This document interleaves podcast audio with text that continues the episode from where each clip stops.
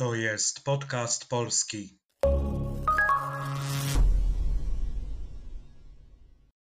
Dzień dobry. Witam po raz pierwszy albo ponownie te osoby, które nas słuchały już wcześniej. Ja nazywam się Przemek, a to jest kolejny odcinek podcastu polskiego. To jest audycja dla osób, które uczą się polskiego i chcą popracować nad rozumieniem ze słuchu i nad wzbogaceniem słownictwa. Dla osób, które chcą mieć kontakt z żywym, mówionym językiem. To jest podcast polski.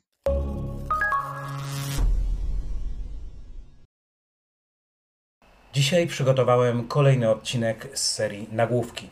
Zapraszam do słuchania. Zamknięte plaże w Barcelonie. W rejonie pojawiły się rekiny. Prześledźmy znaczenie poszczególnych słów.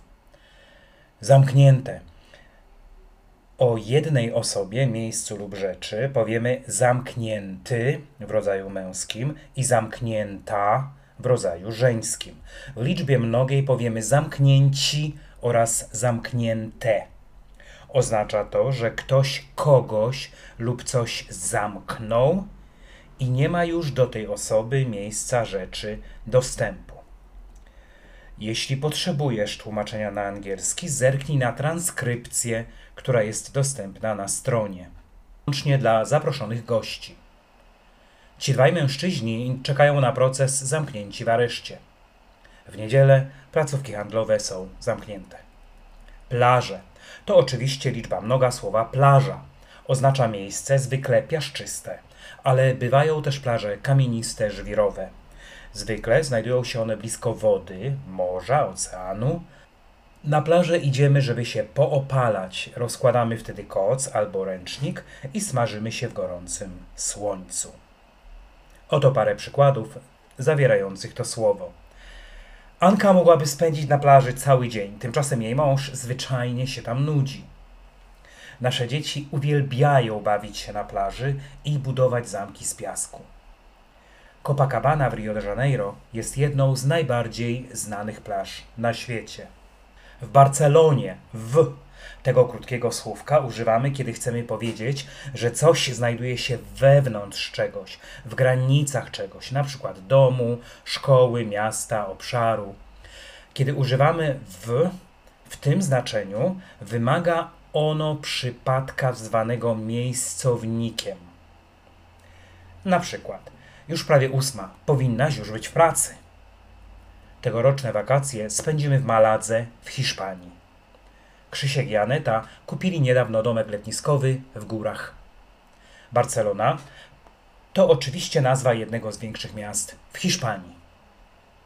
Rejon to słowo oznacza teren wyodrębniający się z większego obszaru ze względu na pewne cechy lub położony w pobliżu jakiegoś miejsca.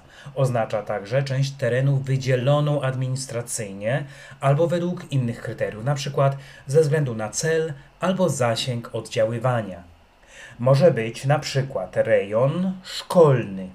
To oznacza, że do danej szkoły chodzą dzieci z określonego terenu, rejonu. To jest mój rejon. Tak może powiedzieć przedstawiciel handlowy, wskazując, że działa na danym terenie. Dla dzielnicowego jego rejonem będzie teren, na którym sprawuje służbę. Pojawiły się. Czasownik pojawić się oznacza, że przedtem tego nie było, a teraz jest. Przedtem tego nie widzieliśmy, a teraz widzimy.